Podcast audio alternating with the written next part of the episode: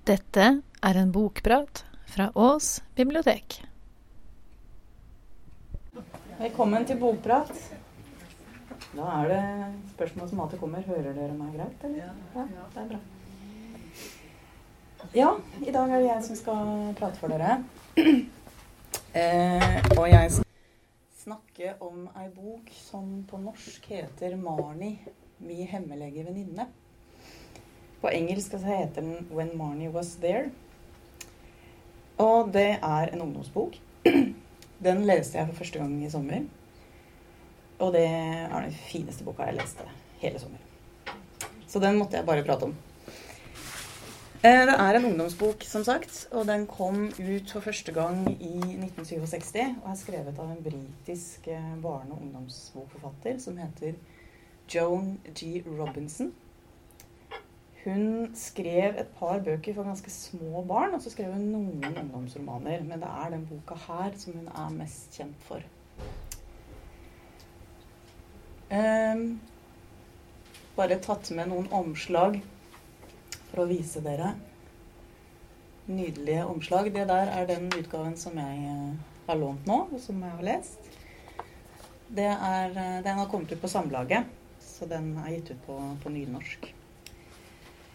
Eh, og i 2014 så fikk den boka her en skikkelig skikkelig renessanse med en eh, veldig stor animasjonsfilm som ble laget av japanske Studio Ghibli. Som er eh, på en måte motsvaret, det japanske motsvaret til Disney. En helt nydelig film som eh, ga denne veldig fine historien her et helt nytt publikum. Og en, eh, en ny vår. Og veldig, veldig mange nye fans. Blant dem meg.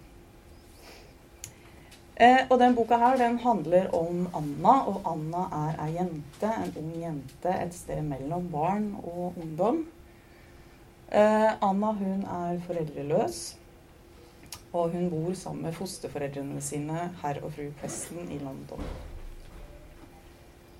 Og fosterforeldrene, eller kanskje særlig fru Preston, er veldig bekymret for Anna. For Anna har ingen venner. Anna sier nesten ingenting. Hun er veldig innesluttet og ganske apatisk. Og fru Preston er svært bekymret for henne. Og som om ikke det er nok, så er Anna også selvfølgelig skrøpelig Hun hva kommer til helse, og hun er astmatisk. Og Derfor så blir det bestemt at Anna hun skal reise og tilbringe en sommer, og, og vel så det, på landet i frisk luft, i gode, trygge omgivelser ved sjøen, hos ekteparet Pegg, som fru Preston kjenner fra før.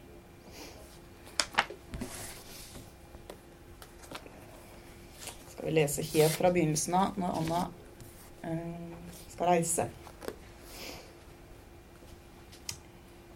Fru Preston retta på hatten til Anna og så fortenkt ut som vanlig.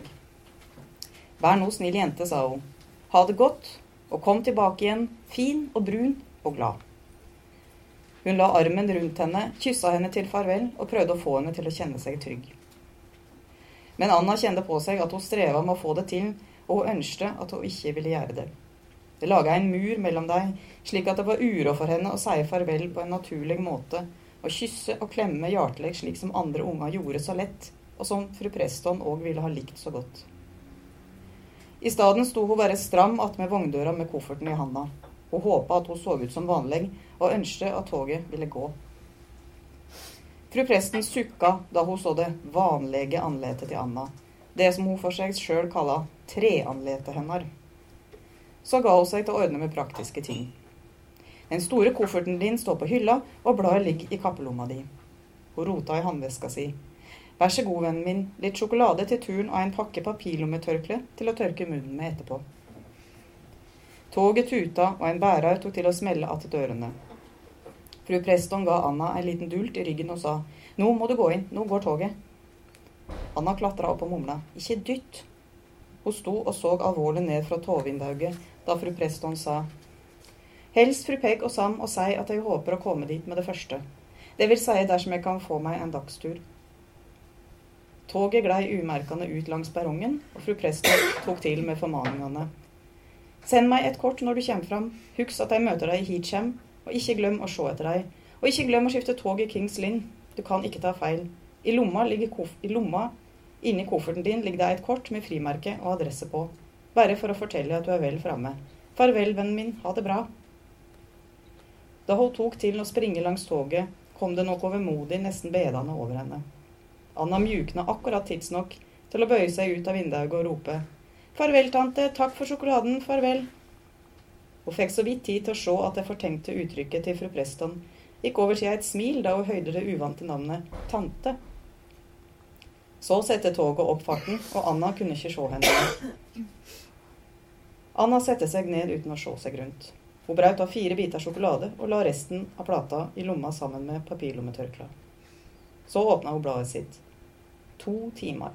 Over to timer til Kings Lynn. Var hun heldig og så ut som vanlig, kom ingen til å snakke til henne på hele den tida.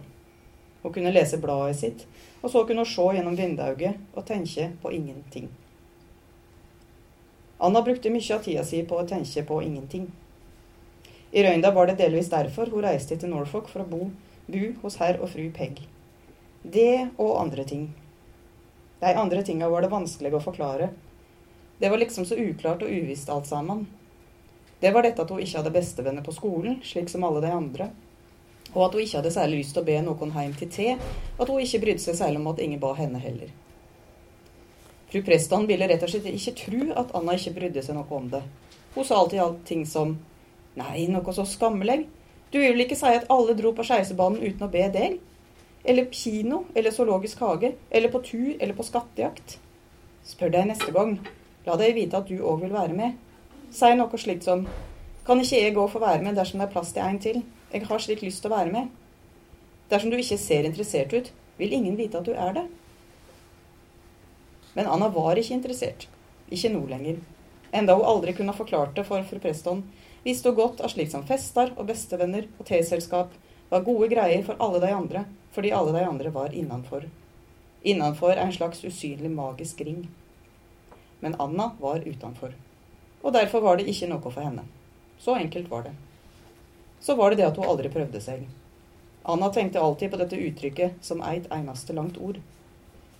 Hun hadde hørt det så ofte de siste seks månedene.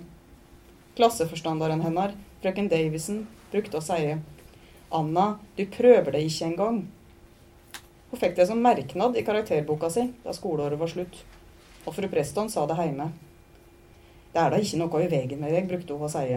Du står ikke tilbake på noen måte, og jeg er sikker på at du er like flink som alle de andre. Men dette at du ikke engang prøver deg, kommer til å ødelegge hele framtida di.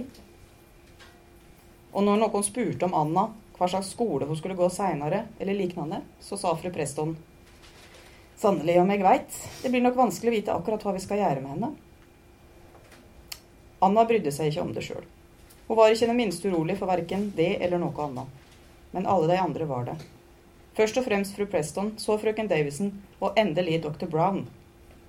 Han ble bodsendt da hadde astma og vært borte fra skolen i nesten to uker. Jeg hører du er urolig for skolen, hadde dr. Brown sagt og blunka vennlig. Nei, ikke jeg, men hun, hadde Anna mumla. Aha. Dr. Brown gikk rundt i soverommet og tok opp ting og så nøye på deg og satte deg ned igjen. Kjenner du deg sjuk når du skal ha matematikk? stundom. Aha. Dr. Brown satte forsiktig en liten porselensgris tilbake på peishylla og stirte alvorlig inn i de svartmåla øynene på grisen. Jeg tror du er lei deg, humla han. Anna tagde. Han snudde seg mot henne at Jeg trodde du snakka til grisen, jeg, sa hun. Dr. Brown smilte nesten da, men Anna så like alvorlig ut, så han helt bare fram. Jeg tror kanskje du er lei deg, og jeg skal fortelle deg hvorfor. Jeg tror du er lei deg fordi Han stansa og kom mot henne at Hva er det du kaller henne? Kven? Fru Preston. Kaller du henne tante? Anna nikka. Jeg tror kanskje du er lei deg fordi tante er lei seg. Er det ikke slik? Nei, jeg sa jo jeg, jeg er ikke lei meg. Hun stansa og så granskende, han stansa og så granskende ned på henne, der hun lå og heste med det vanlige annerledesuttrykket sitt. Så så han på klokka og sa oppmuntrende. Fint. Da er det i orden, da. Så sprang han ned og snakka med fru Preston. Etter det ble det forandring på sakene i en fart. For det første dro ikke Anna tilbake til skolen igjen, enda det var vel seks uker til ferien. I stedet dro hun og fru Preston ut og kjøpte shorts og tennisskor og en tjukk ullgenser til Anna. Så fikk fru Preston svar på brevet hun hadde skrevet til den gamle venninna si, Susan Pegg. Hun svarte at veslejenta bare kunne komme, og at hun var velkommen. Hun og Sam var bare glad for at hun kom, enda det ikke var så unge lenger. Sam hadde hatt det så fælt med gikta i vinter. Men siden hun var slik ei rolig jente og ikke brydde seg om å farte så mye omkring, så håpa de at hun ville like seg. Som du husker, skrev fru Pegg, har vi det svært enkelt her oppe hos oss, men vi har gode senger og mangler ingenting nå når vi har fått fjernsyn. Hvorfor sier hun oppe hos oss? spurte Anna. Det er det samme som hjemme hos oss. Her. De sier det slik i Norfolk. Å. Helt uventa smelte Anna att døra og trampa opp trappa. Hva i all verden var det jeg sa som fikk henne til å ta slik på vei, tenkte fru Preston. Hun la brevet i buffeskuffa så at hun kunne vise det til presten seinere. Hun ville aldri ha gjetta det, men Anna hadde reagert kraftig mot å bli kalla ei rolig, lita jente. At hun ikke likte å snakke med folk, var én ting, men å bli kalla noe slikt var noe helt annet. De harde stega opp trappa skulle vise at hun slett ikke var noe rolig, lita jente. Hun satt og huksa på dette nå på toget medan hun leste som hun las i bladet sitt. Det var hun ferdig med for lenge siden. Hun tok til å undres på om det var noen her som trodde det samme om henne. Hun rynka panna og prøvde å se bister ut. Så løfta hun hovedet for første gang på hele turen og glodde rundt på de andre passasjerene i vogna. En gammel mann satt og søv i et hjørne. Ei dame rett imot han satt med lommespegel og sminka seg omhyggelig. Anna stirret fascinert ei stund og kjente at hun ikke rynka panna lenger. Så snudde hun seg og glante på dama midt imot henne. Hun òg sov. Det vanlige annerledesuttrykket hadde gjort sitt. Ingen hadde lagt merke til henne. Hun blei letta snudde seg mot vindauget og stirret ut på de lange, flate myrstrekningene og de ensomme gardene som lå langt fra hverandre med jordet imellom. Hun tenkte på slett ingenting.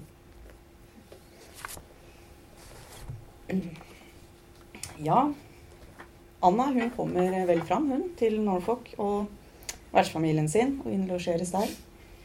Eh, og herr og fru Peng de er, et, eh, ja, de er et godt voksent eh, ektepar med barn som har flytta ut for ganske lenge siden. Eh, og de er kanskje ikke så vant til å ha såpass unge barn i huset lenger. Men de er eh, gode mot, eh, mot Anna. og de lar henne være ganske mye i fred. Kan jo diskutere om det kanskje alltid er det beste. Men for Anna så er denne friheten her veldig kjærkommen. så når hun ikke er i huset, og sammen med Pegg-paret så er hun eh, nede ved brygga, eller hun er på stranda og tilbringer timevis ute aleine og gjør akkurat som hun vil.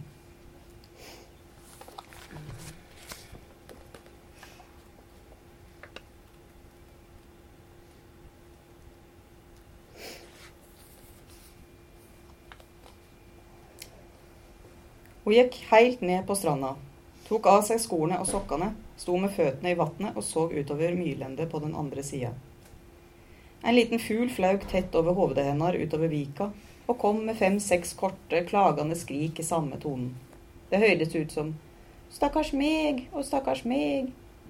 Hun sto der og så og høyde og tenkte på ingenting, saug til seg den store stillheten som hvilte over myr og vann og himmel, og som høvde med tomleiken hun kjente inni seg. Så snudde hun seg fort og så seg bakover. Hun hadde ei merkelig, underlig kjensle av at noen så på henne. Nå så ingen. Det var ingen på brygga og ingen på grasvollen opp mot veien. De to små husa så tomme ut, og naustdøra var stengt.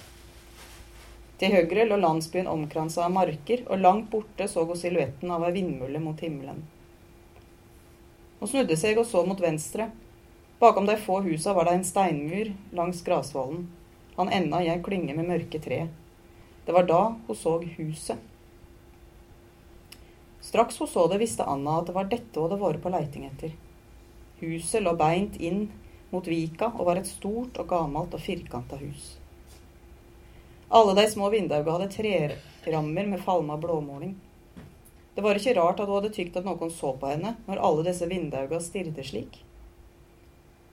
Dette var ikke noe vanlig hus langs en vanlig veg, slik som det hun bodde i heime. Dette huset stod aleine og hadde noe rolig, mjukt og evig over seg. Det var akkurat som hun hadde stått der så lenge og sett flod og fjøre så ofte at hun hadde glemt det travle livet bakom seg og hadde siget inn i ei still draum. Anna kjente det slik der hun sto og stirret på huset, og enda hadde hun ikke vært her før. Eller hadde hun det? En gang da hun var på barneheimen, hadde hun vært med sjøen, vært ved sjøen sammen med alle de andre ungene, men hun huska det knapt. Og to ganger hadde hun vært i Bournemouth sammen med Preston-folka og gått langs stranda og sett i blomsterhagene.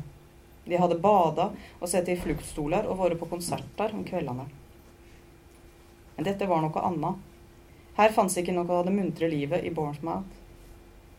Det var som det gamle huset en vakker dag hadde dala ned på brygga ved Little Overton og sett over vatnet med myra bakom og sjøen bak deg att, og sagt til seg sjøl for det slo seg ned på bredda. Jeg liker denne staden. Jeg blir her til evig tid. Slik så det ut, tenkte Anna, og så lengtende på det. Trygt og evig. Hun vassa langs vatnet til hun kom beint framfor det, og sto der og så og så og så. Vindauget var mørke og uten gardiner. Eit av de øverste sto oppe, men det var ingen som så ut. Og likevel tykte Anna at det var nesten som om huset hadde venta på henne. Det hadde sett på henne og venta på at hun skulle snu seg rundt og kjenne det att. Og på en eller annen merkelig, merkelig måte gjorde hun det. Medan hun sto der i vannet og halmdrømte, fikk hun en underlig kjensle av at alt dette hadde hendt før. Det ville ha vært vanskelig å forklare det, men det var som om hun sto og så på seg sjøl utenfra. En liten skapning med den fineste blå kjolen og med sokkene og skoene i handa. Der hun sto og så opp mot det gamle huset med alle vinduene. Uten å bry seg om det, la hun merke til at vannet måtte ha stiget litt, fordi hun så at det skvulpa mot kjolekanten, og at han var blitt mørk av hvete. Da flau den vesle gråbrune fuglen over hovedet hennes og skreik. Stakkars meg og stakkars meg.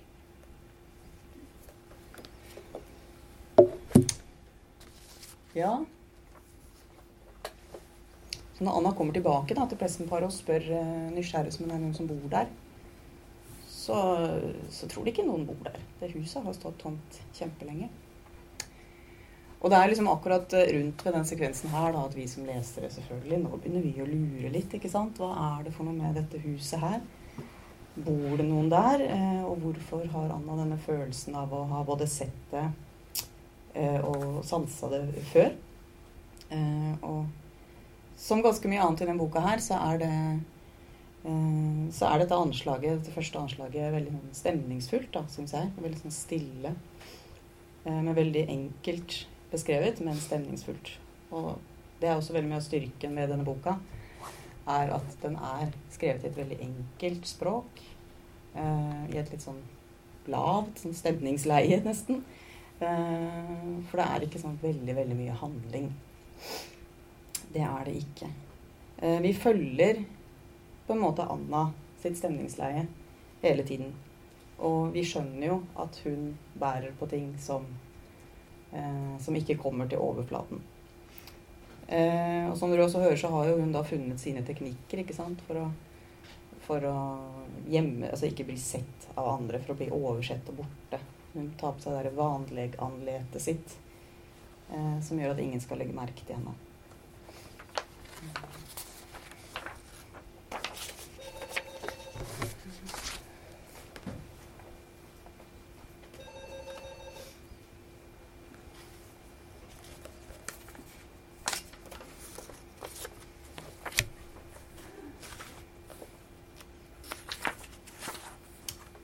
litt igjen.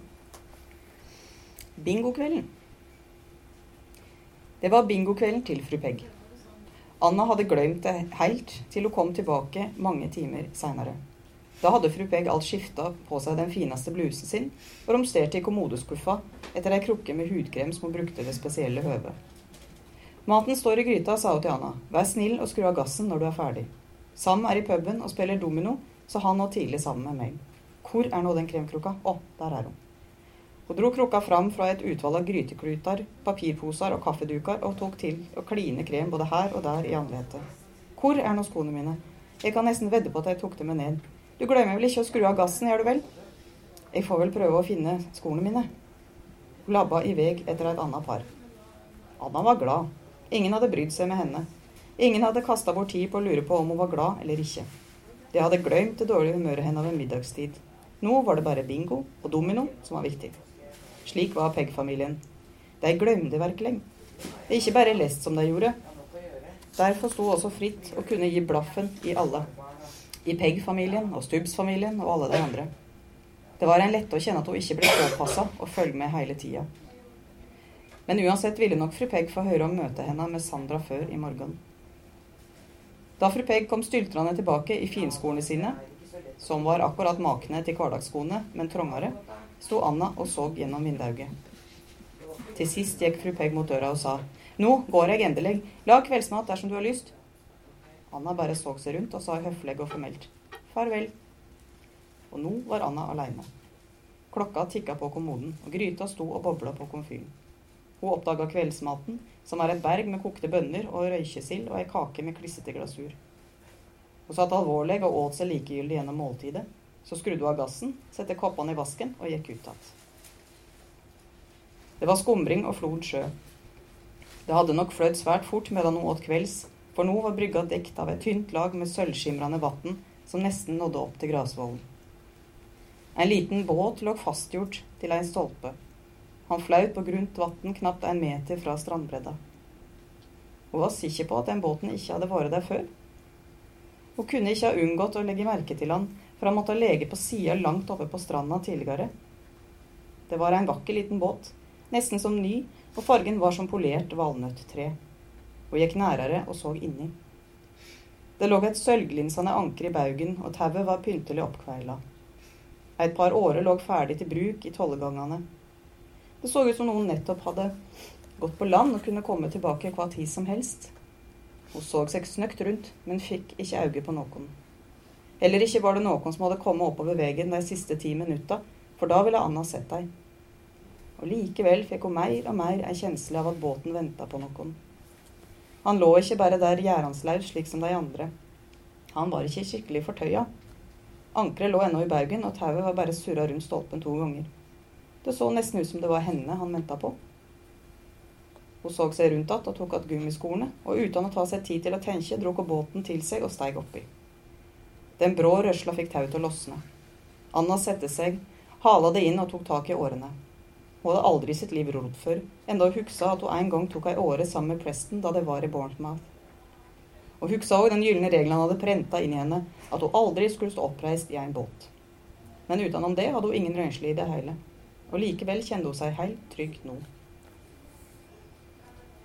Forsiktig dyppa hun den ene åren, så den andre, og så begge på en gang med små, rolige tak. Sakte glei hun bort fra stolpen og langs stranda.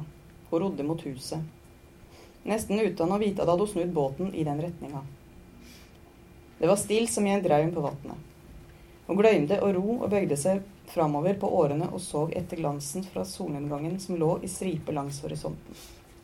Ei strandsnipe, eller var det ei strandsnipe, skreik 'Stakkars meg og stakkars meg' på den andre sida av myra, og ei anna svarte 'Stakkars meg, å, stakkars meg'. Hun retta seg opp og la merke til at hun glei framover, enda hun hadde slutta å ro. Hun glei lenger og lenger fra stranda, og nå dreiv hun alt forbi huset. Hun så lys i vinduet ovenpå, og da skynda hun seg å trive til årene. Da hun så seg bakover, oppdaget hun at hun dreiv beint inn mot steinmuren som stakk ut i vannet. Dersom hun ikke var kvikk nok, ville hun støyte på han. Hun plumpa den venstre åra ned i vannet og håpa hun kunne snu båten, men årebladet bare plaska flatt ned, og hun holdt på å dette bakover. Med det samme var det noen som ropte ganske nær øret hennes. En, ei høg barnestemme med ei lita skjelving av lott. Fort, skund deg og kast hit tauet til meg. Og da har vi møtt bokas andre hovedperson. Og det er Marni. Der har vi Marni. Der har vi de. Anna og Marni. Så Marni, hun, eh, hun venter på Anna, hun. Den lille brygga til dette huset, som Anna endelig kommer seg til. Og disse to jentene, som er på alder med hverandre, de blir venner. Og de blir enige om å være hverandres hemmelighet. Og de treffes alltid ute. Marnie hun går i gamledagse klær. går i en pen, blå kjole. Og hun er ute sent på kveldene, akkurat som Anna, og det virker aldri som om hun savner henne. Eh, huset, Marnie For oss lesere så begynner dette å bli litt sånn mystisk. Det er noe sånn drømmeaktig over disse frekvensene hvor de er sammen. Og man lurer på hva er virkelighet? Hvem er Marnie? Hvor kommer Marnie fra? Dette her er en sånn fortelling som jeg ville elsket å lese da jeg var barn. Og jeg elsket den nå også. Eh, det er en veldig klassisk fortelling om et veldig, veldig ensomt barn. Barne, barnelitteraturen og ungdomslitteraturen har mange eksempler på det. Det foreldreløse, ensomme barnet. Eh, det er en bok om vennskap. Det er en bok om å kjenne på følelser.